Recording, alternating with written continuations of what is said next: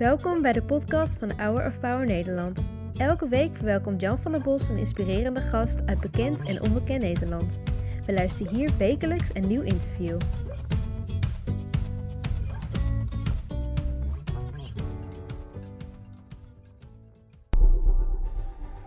When I tell my story, people often see a victim of sexual violence. But please, don't. See a survivor, an activist, an athlete. I refuse to fear dark alleys, deserted forests, or empty parking lots. Running anywhere, alone, for 100 kilometers straight. Actually, I made it my sport, and I became a champion in it too. But my true goal is to inspire you to beat fear and to speak up on sexual violence. I'm Samina, and this is my story.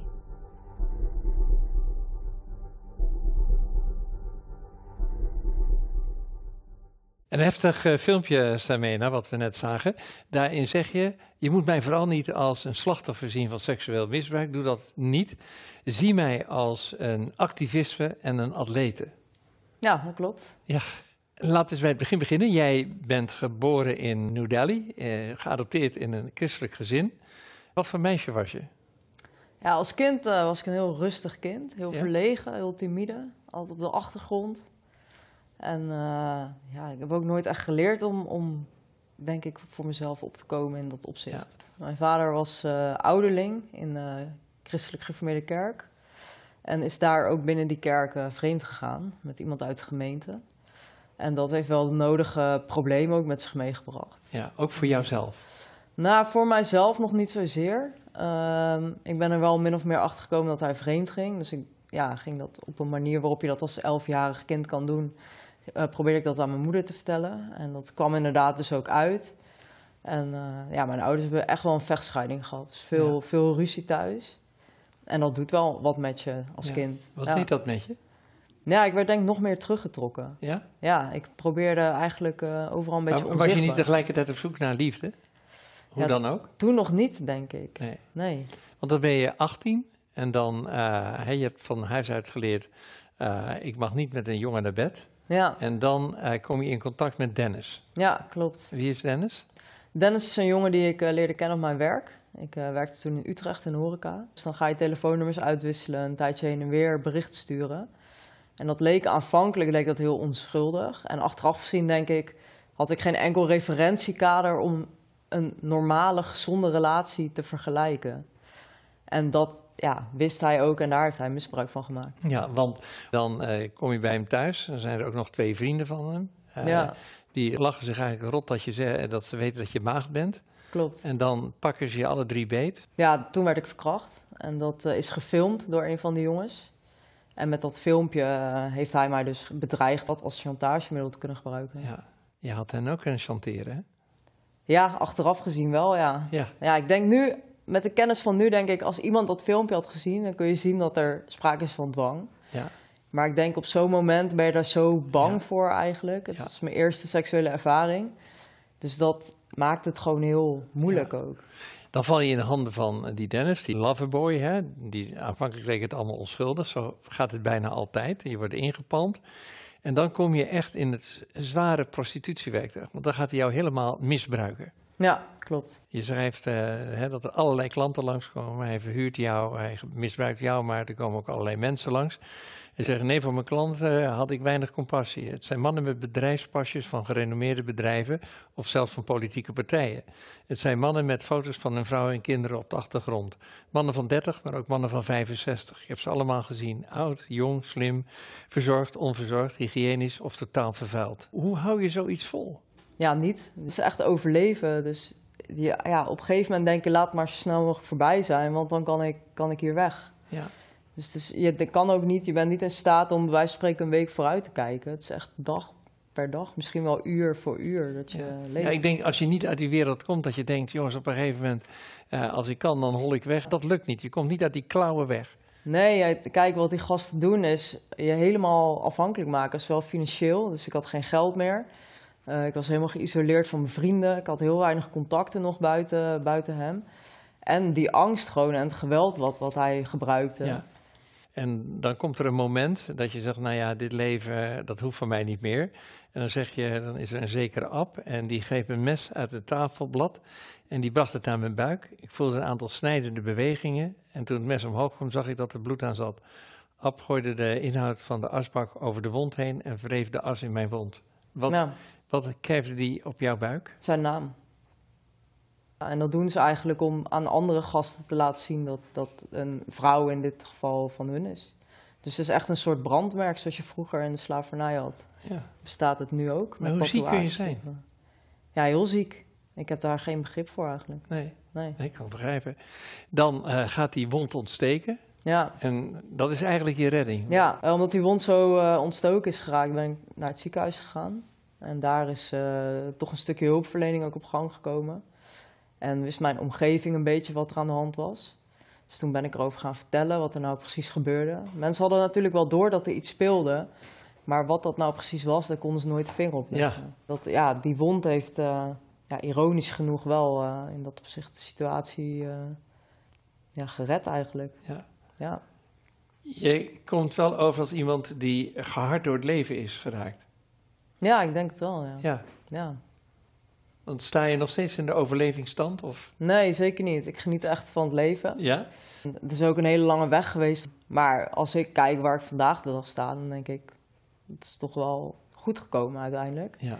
En ik eh, probeer nu wel echt van kleine dingen te genieten ook. Dus Ja. echt basale dingen maak ik me gewoon niet druk om. Want dan Ja. denk ik, ja, ik kom uit zo'n bizarre situatie. Als ik nou een keer mijn sleutels vergeet, dat, ja, dat is dan niet zo erg. We horen nog steeds van slachtoffers van seksueel geweld. Hè. Dat, dat hoor je nog elke dag. Eh, dat gebeurt in de politiek, dat gebeurt eh, in de televisiewereld, dat gebeurt gezien, ongezien.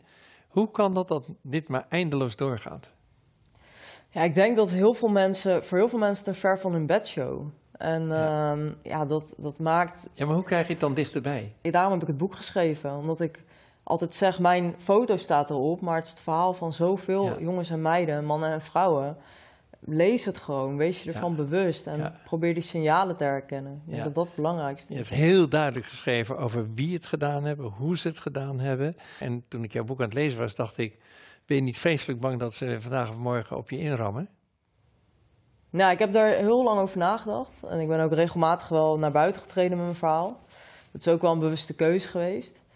En nu denk ik, ja, kom maar. Als dat, eh, Ja, Inmiddels heb ik zo'n positief groot netwerk om me heen. Dat ik eigenlijk ervan overtuigd ben dat ze geen schijn van kans maken. zo.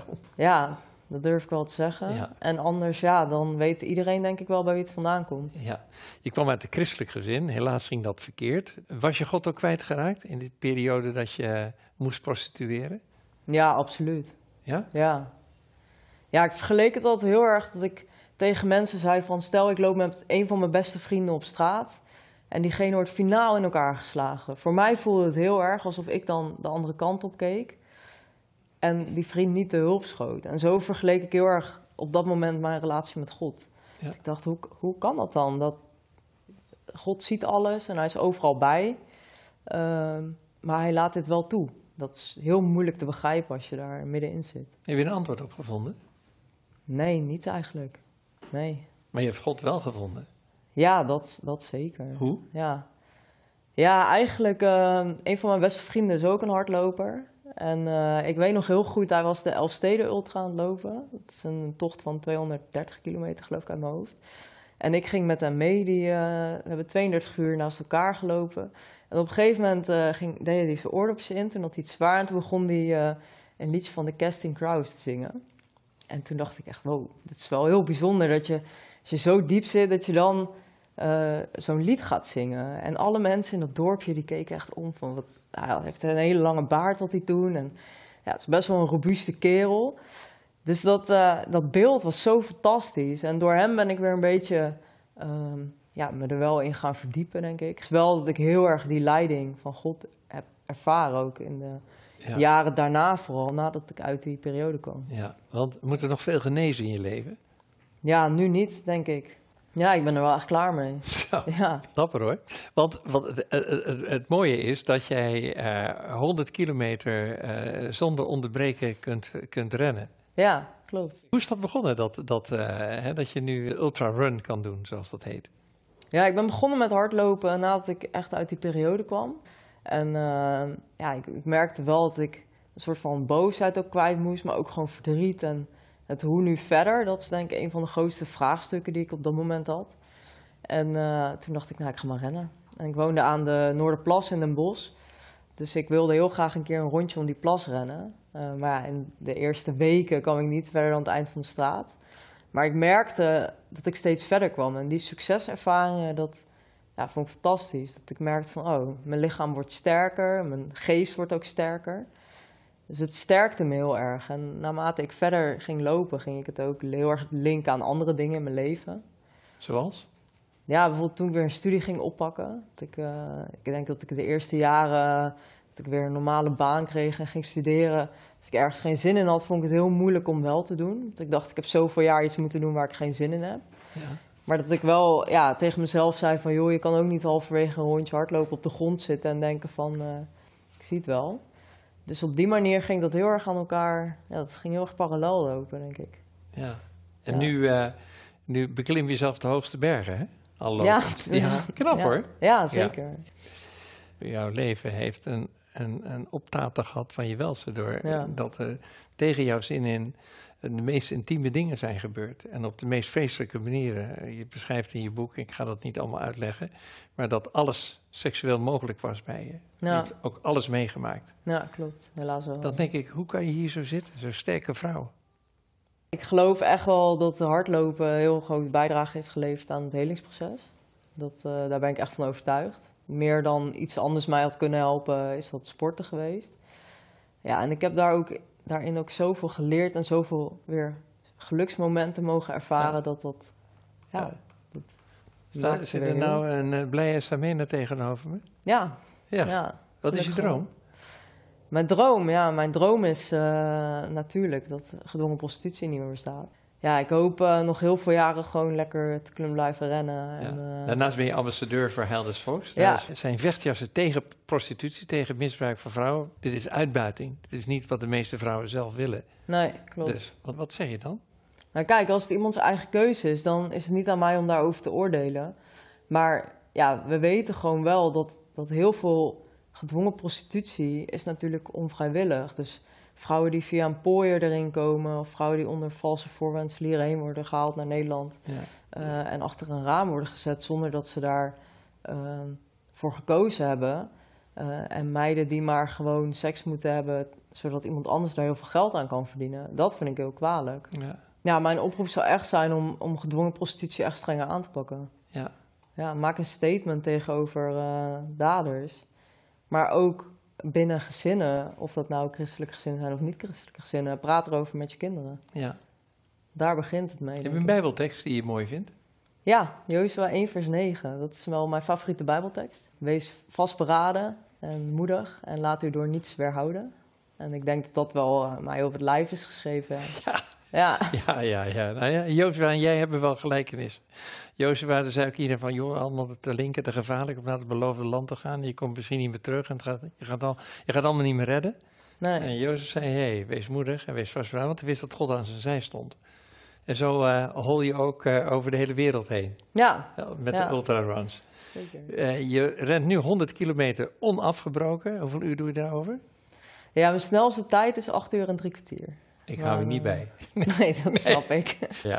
Wat is je ultieme doel? Hoeveel zou je willen halen? Ja, eigenlijk uh, heb ik heel veel dingen al behaald. 24 uur lopen. Uh, vorig jaar heb ik samen met diezelfde vriend in 10 dagen hebben we 1000 kilometer door Nederland gelopen. Duizend? Ja, om ook echt de verhalen van gedwongen prostitutie letterlijk het land door te lopen.